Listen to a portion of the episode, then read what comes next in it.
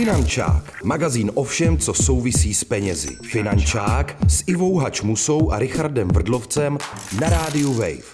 Je tu magazín Finančák. Vítá vás u něj Richard Vrdlovec a Iva Hačmusa. Richarde, seš pro euro? Taková pecka hned na začátek. No. no a já ti to teď neřeknu, Ivo.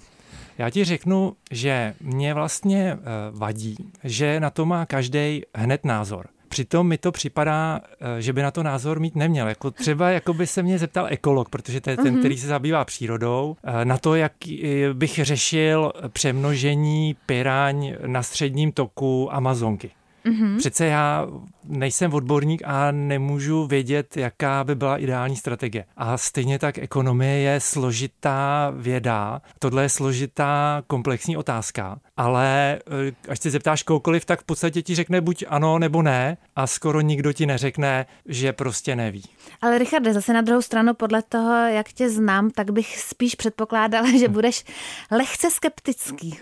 Tak nechme to tady a uvidíme. Myslím si, že to vyplyne hned eh, brzo z toho, co nahrajeme. A já už se těším, až se zeptáme našeho dnešního hosta, který se jmenuje Tomáš Prouza a je to prezident Svazu obchodu a cestovního ruchu České republiky. Tomáši, vítejte ve Finančáku.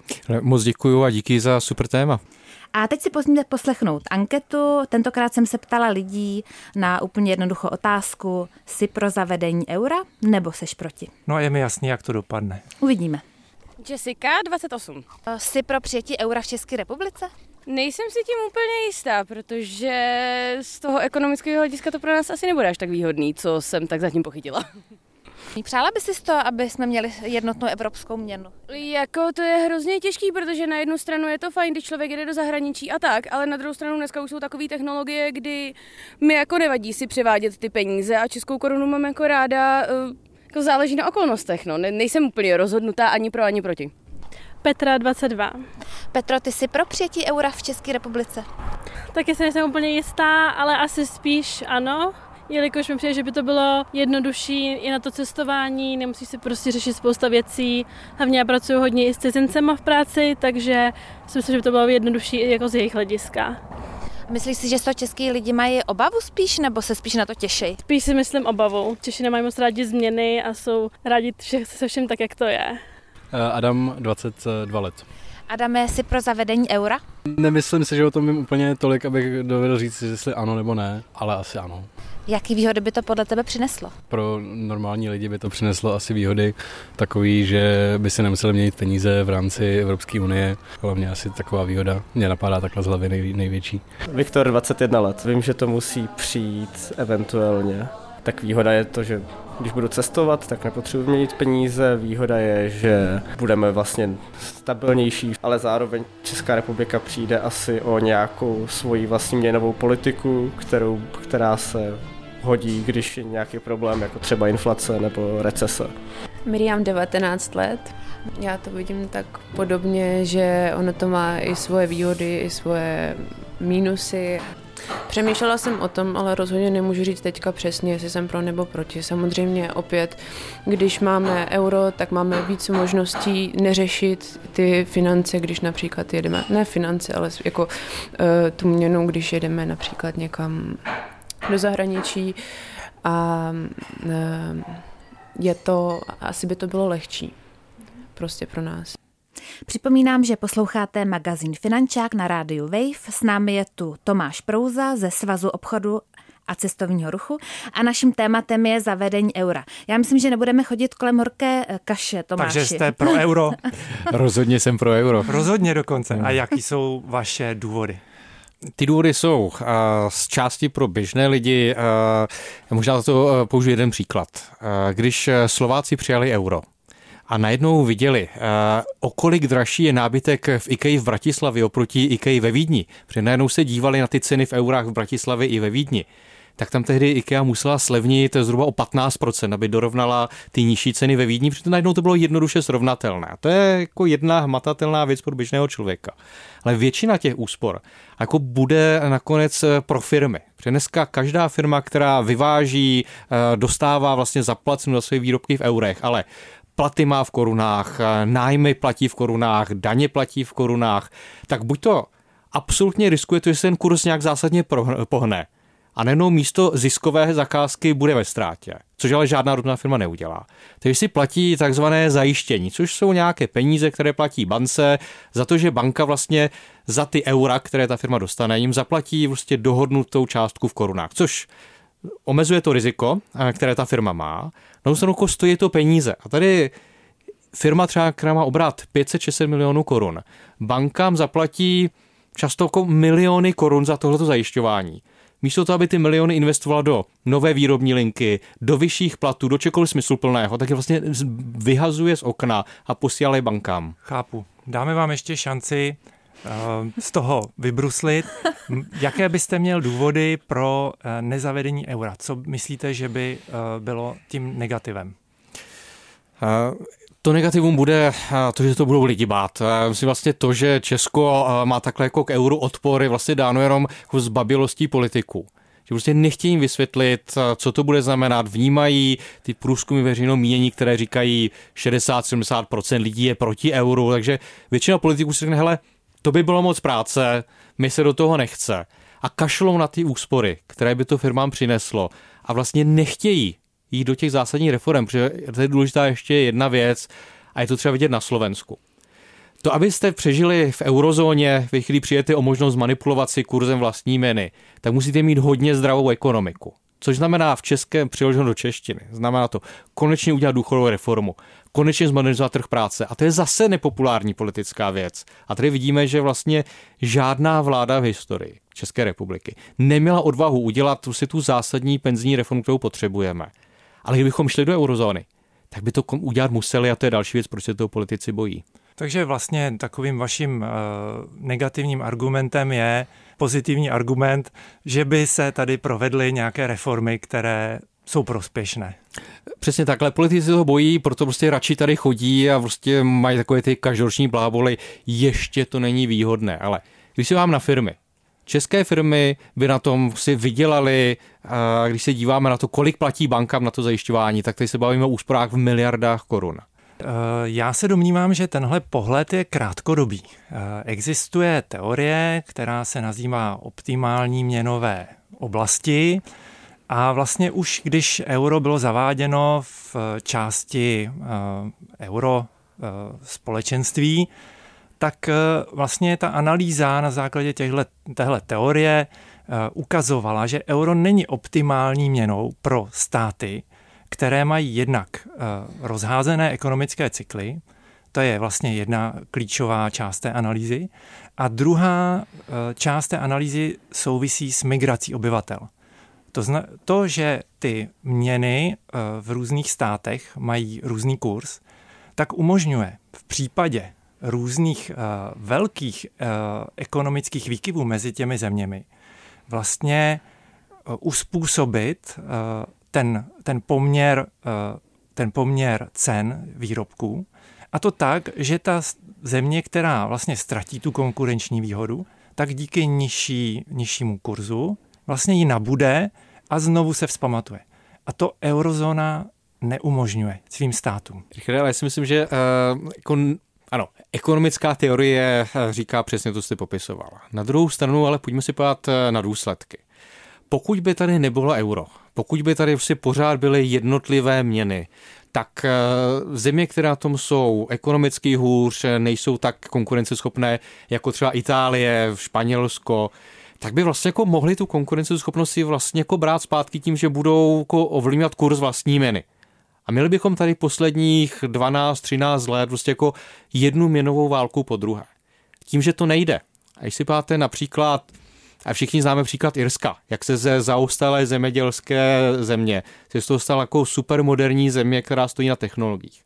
Ale třeba podobně se změnilo Portugalsko. Ten příklad eh, Češi moc neznají, ale když si podíváte na to, eh, po krizi v roce 2010 taky. Portugalsko byla zase zemědělská země, dneska moderní technologie, výrazně větší podíl průmyslu, právě protože byli donuceni udělat ty bolestivé reformy, místo toho, aby manipulovali s kurzem. A už se nám tu debata příjemně zahřívá.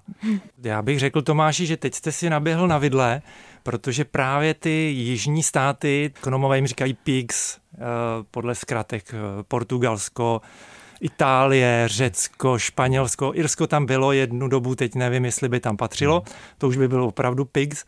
A vlastně tyhle státy ty reformy neudělaly, jsou na tom prach bídně. Já vlastně uh, jsem chápal to euro jako uh, politický gesto na začátku.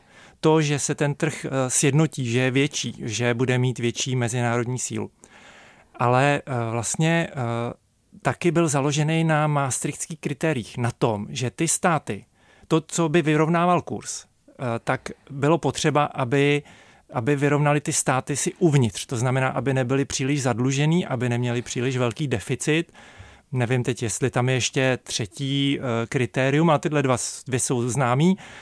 Tyhle dvě kritéria nesplňuje žádný ze států eurozóny momentálně. A eh, to, že eh, je nesplňují, to vytváří rizika. To znamená, že se jednou podařilo Řecko vyplatit Eh, tím, že se mu půjčilo. Eh, to neznamená, že se to povede po druhý. To neznamená, že vlastně ten potenciální krach měnový unie neohrozí celou Evropskou unii. A tenhle, eh, tahle, tohle riziko vlastně narůstá. A narůstá právě v tuhle chvíli, kdy centrální banka zvedá úroky a najednou se ty dluhopisy těch jižanských států dostávají pod tlak. A nikdo přesně neví, jak tohle to skončí. A je to obrovský riziko, který bychom přijetím eura na sebe vzali taky?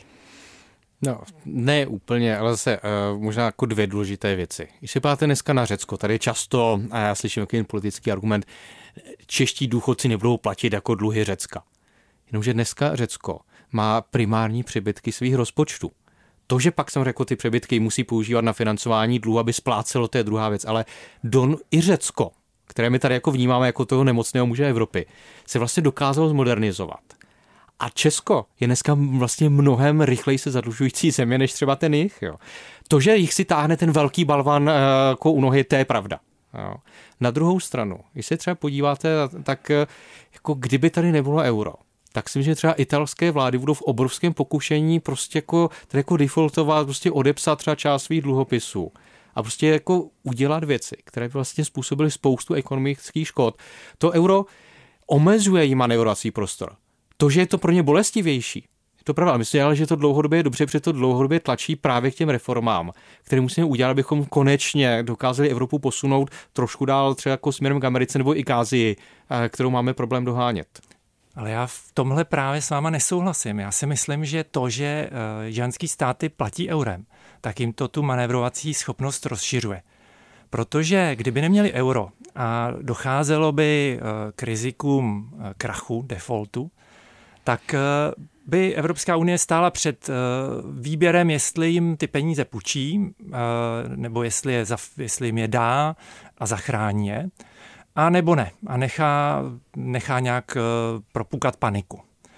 Ale to, že oni jsou v euru a to euro zastřešuje Evropská centrální banka, tak centrální banka na to reaguje tím způsobem, že tiskne, takzvaně tiskne, vydává nová eura do oběhu a za ty eura kupuje dluhopisy těch zemí, který už investoři nechtějí držet, protože jsou moc rizikoví. Takže výsledek je, že centrální, Evropská centrální banka, která by měla být centrální banka všech, tak vlastně směřuje ty finanční toky eh, těm, do těch eh, dluhopisů jižních zemí. A tím jim umožňuje vlastně provádět tu nezodpovědnou politiku. Ale není to vidět. Není to, není to vlastně Eh, ztráta, která by byla vidět hned. Ta ztráta bude vidět ve chvíli, kdy ty země opravdu zbankrotují a najednou se zjistí, a ejhle, centrální, Evropská centrální banka uh, držela nakonec 99% dluhopisů italské vlády, protože už je předtím nikdo nechtěl držet a všichni je prodali té centrální bance. A najednou se stane to, že vlastně i ty státy, které to vlastně nechtěli podporovat, tak to umožnili tuhle tu podporu. Rozumím, jako v čem to je jiné? Když Česká národní banka tady jako roky tiskla koruny, aby vlastně manipuloval s kurzem koruny vůči euru, udržoval ho uměle prostě výrazně vyšší, než jaký měl být. A byl to taky prostě nástroj na to, aby se zvedla česká ekonomika po té krizi v roce 2010, ale byl to úplně přece stejný mechanismus, kdy prostě ve chvíli, kdy ta centrální banka má ve sklepě ty rotačky na peníze, tak je prostě jako používá tímhle tím způsobem. A to je úplně stejné. Čili nedějme si iluze, že jako to dělá jenom Evropská centrální banka, ne ta česká. Česká to dělá úplně stejně. A vedlo to k jednomu velkému problému. Si krátkodobě to jako nastartovalo tu českou ekonomiku, prostě podporovalo to český export. Ale když se dneska bavíte s těma firmama, my všichni říkají, hele, první rok, dva to bylo super. Najednou jsme byli konkurenceschopnější kvůli tomu umělému kurzu koruny. Ale zároveň nás to nenutilo investovat, nenutilo nás to modernizovat do výroby. Takže ve chvíli, kdy ČNB vypnula ty intervence a ten kurz se okamžitě vrátil tam, kde byl před těma intervencema, tak najednou české firmy přestaly být konkurenceschopné. Protože jejich konkurenti v jiných zemích naopak jako masivně investovali do modernizace své výroby. Čiže říkali, hele, my nemusíme, my tady máme prostě tuhle ten jako kurzový polštář. Ale dneska na to doplácejí. Aha, tak v něčem si rozumíme. V té anketě zaznělo, že Češi nemají uh, rádi změny. A v téhle souvislosti mě ještě napadlo, vy jste zmiňoval to Slovensko. Já jsem si to ráno dohledávala, kdy Slovensko zavedlo euro a myslela jsem si, že eh, vševědoucí internet udělal chybu, protože mi tvrdil, že ho zavedli už v roce 2009, což mi přijde teda jako už úplný jako pravěk.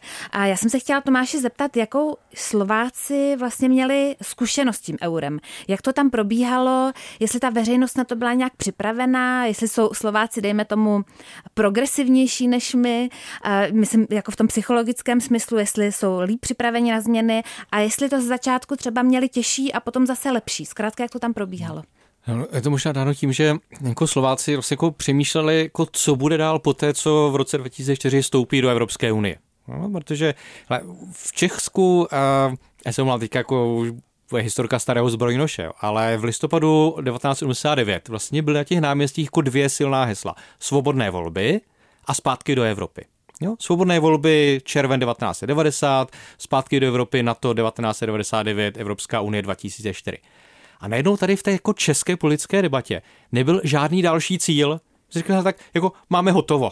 A už tak jako pojďme plácat jako to českého rybníčku. Zatímco Slováci jako logicky pochopili, hele, země vždycky jako musí mít nějakou vizi, musíme vědět, kam máme jít. A proto si Zvolili Mečiara a rozešli se s náma. Ne, ale, mimochodem, ale to byl přesně pak jako jeden z těch průšvihů. Jo, kdy prostě viděli, že když ta jako země vlastně jako nemá nějakou vizi dopředu, kolem které se spojí, tak to vede přesně k těmhle těm průšvihům. A jednou si byl Mečár na Slovensku, jestli to byl Klaus v Čechách, prostě ti lidi nás jako táhli do pekla. Jo. Průšvih za průšvihem. Tak jo, ale protože vlastně jako není jako žádná vize, za kterou jít, jo, to je přesně jako je to české plácání se, hele, tak ono to nějak dopadne a v nejhorším případě nás zachrání Němci. Za to no. asi můžou ty rybníky. Tak. Jo, čili proto Slováci jako přišli s tímhletím plánem, jako že logicky ta eurozóna byl ten další logický krok.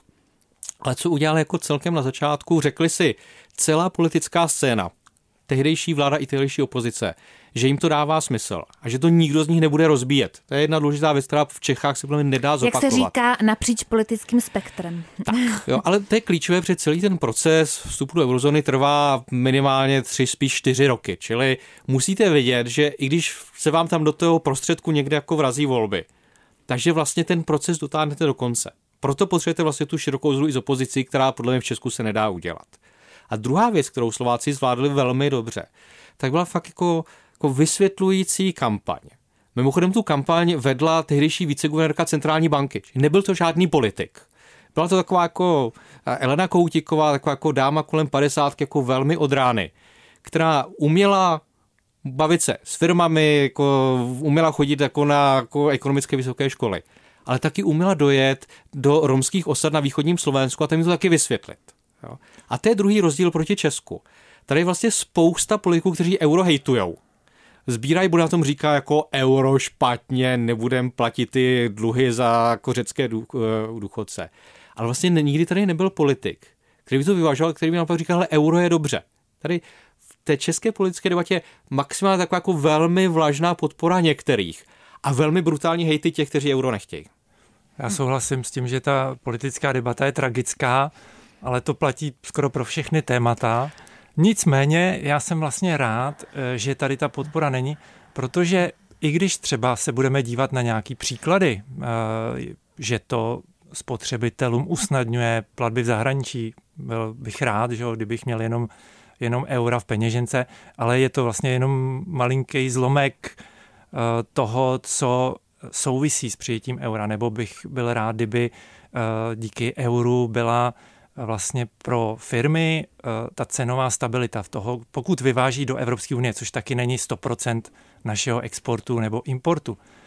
Ale zase souvisí s tím ty rizika, jednak rizika vůbec eh, toho, že nebychom neměli tu vlastní měnovou politiku, vlastní kurz, a pak s tím souvisí i riziko to, že vlastně centrální banka podléhá politickému tlaku a že vlastně děl, může dělat něco, co by pro nás nebylo prospěšný. Takže ten problém je komplexní, ta debata neprobíhá na té rovině, na té komplexní ekonomické rovině, ne, nevšiml jsem si toho. Uh, a, um, ale ve výsledku já jsem vlastně zase spokojený s tím, že to dopadá tak, jak to dopadá, protože pokud za deset let nastane jako radikální problém uh, té měnové unie a možná to bude dřív, tak vlastně všechny ty argumenty, které by mm, lidé pro euro tady dnes snášeli, budou zastaralí a dodatečně špatný. Ale, ale rychle vlastně, jako, když to přeložím do češtiny, tak vlastně říkáte, já se radši neožením, protože co třeba, kdybych se jednou musel rozvádět. to je dobrý příměr. Ale to, to je přesný příměr a statistika říká, že dělám dobře. Já bych se ještě chtěla uh, trošku vrátit k tomu Slovensku. My teď vlastně můžeme mít skvělý srovnání. Teď tady bojujeme s inflací, ceny všeho jdou nahoru a na Slovensku mají euro, na rozdíl od nás. Zvládají tu inflaci líp díky euru, dá se to tak říct? No, zvládají ji líp, protože kvůli vstupu do eurozóny museli dělat ty reformy, na které se vykašlali. Proto ta slovenská ekonomika je dneska prostě výrazně stabilnější než ta česká. To je jeden rozdíl. Druhý rozdíl je eh, v tom, že uh, protože tady nefunguje komunikace mezi vládou, nebo aspoň tou minulou vládou a centrální bankou. Tak Česká národní banka prostě jako začala masivně v rámci boje s inflací prostě zvyšovat úrokové sazby. Právě protože jako nefungovala ta spolupráce.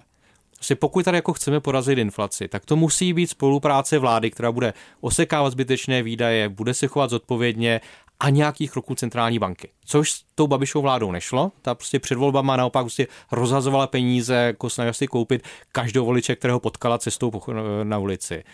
Takže o to vlastně tvrdší musela být ta centrální banka, což ale dneska jako znamená pro českou ekonomiku vlastně jako velký problém. A kdybychom měli euro, tak sice ano, vláda by pořád jako rozhazovala nějaké peníze, ale dneska bychom možná měli jako, ne možná, dneska bychom měli výraznější úrokové sazby, což zase pro firmy jako je strašně důležité, protože dneska potřebují firmy masivně investovat do snižování energetické náročnosti, odchodu, předělání technologií z plynu a na něco jiného, a izolace budov, fotovoltaiky. A vy tady máme tak vysoké úrokové sazby. Je to zase prostě výrazně dražší než by to muselo být. Pojďme ještě na skok do jiné zahraniční země, do Chorvatska. Tam euro zavedou příští rok, jestli se nepletu. Co to bude znamenat pro nás, pro Čechy, když to řeknu tak sobecky, protože pro mnohé z nás je Chorvatsko takovým druhým letním domovem, jezdíme tam na dovolený, máme se bát, že se tam radikálně ještě zvednou už teď tak poměrně vysoké ceny pro nás? Ne, ale myslím, že naopak jako to příští léto, až zase pojede ten milion, možná víc než milion Čechů do Chorvatska, tak to prostě rozkope bábovičky těm českým eurohejtrům. Protože uvidí, že jako Chorvatsko se nezhroutilo, nestojí tam prostě večeři dvojnásobek to, co stálo ještě letos. Jo, prostě jako padne spousta takových těch mýtů, které tady kolují v Čechách kolem toho, jak se vlastně všechno v té zemi zhorší, když se přijme euro. A tím, že to prostě jako ten milion Čechů uvidí na vlastní oči, tak si myslím, že taky prostě změní tady ta politická rovnováha. No Třeba příští léto viděli... bude přesvědčen i Richard, uvidíme. No zatím za poslední rok jsem viděl akorát euro, jak kleslo proti dolaru asi o 15%, tak jestli to bude pokračovat, tak nevím, jestli budeme víc přesvědčenější. No, a rychle, jako znamená to pro vás jako něco, jako přece to, na co se máme dívat, jako čistě pragmatický je kurz jako koruna vůči euru. Ne, znamená to, znamená to pro mě to, že ta politika Evropské centrální banky je, je směšná. Jo. Teď, teď Madame Lagardový se smějou. Eh, zvýšili, oni zvýšili sazby na nula. Oni měli 11 let záporný eh, úrokový sazby. To, to, není, to není měnová politika, to je výsměch. Hele, ale je to, je to opravdu jako politice Evropské centrální banky? Nebo je to spíš jako nedůvěra trhu vůči prostě ekonomikám jako některých evropských zemí? Jo, když tady vidíme jako dopady vlastně té ruské energetické války, to, že to povede ke zbržďování jako evropské ekonomiky, jako včetně německé, že, která vždycky táhla celou Evropu, tak není spíš ten pohyb kurzu eura vůči dolaru jako reakcí na tohle? Na to si vás budeme muset pozvat příště. Rozhodně. Tomáš, my vám moc krát děkujeme za skvělou diskuzi. Já teda musím za sebe říct, že um, mě jste přesvědčil, na rozdíl od mého kolegy. Ale to bude tím úsměvem. asi jo, asi jo. Každopádně loučí se s vámi Iva Hačmusa, Richard Vrdlovec a náš dnešní host Tomáš Prouza. Moc děkuji za pozvání a těším se, že oslavíme přijetí eura. Naschledanou. Naschledanou. Finančák, magazín o všem, co souvisí s penězi. Finančák s Ivou Hačmusou a Richardem Vrdlovcem na rádiu Wave. Další díly Finančáku najdeš na webu wave.cz lomeno Finančák, v mobilní aplikaci Můj rozhlas a dalších podcastových aplikacích.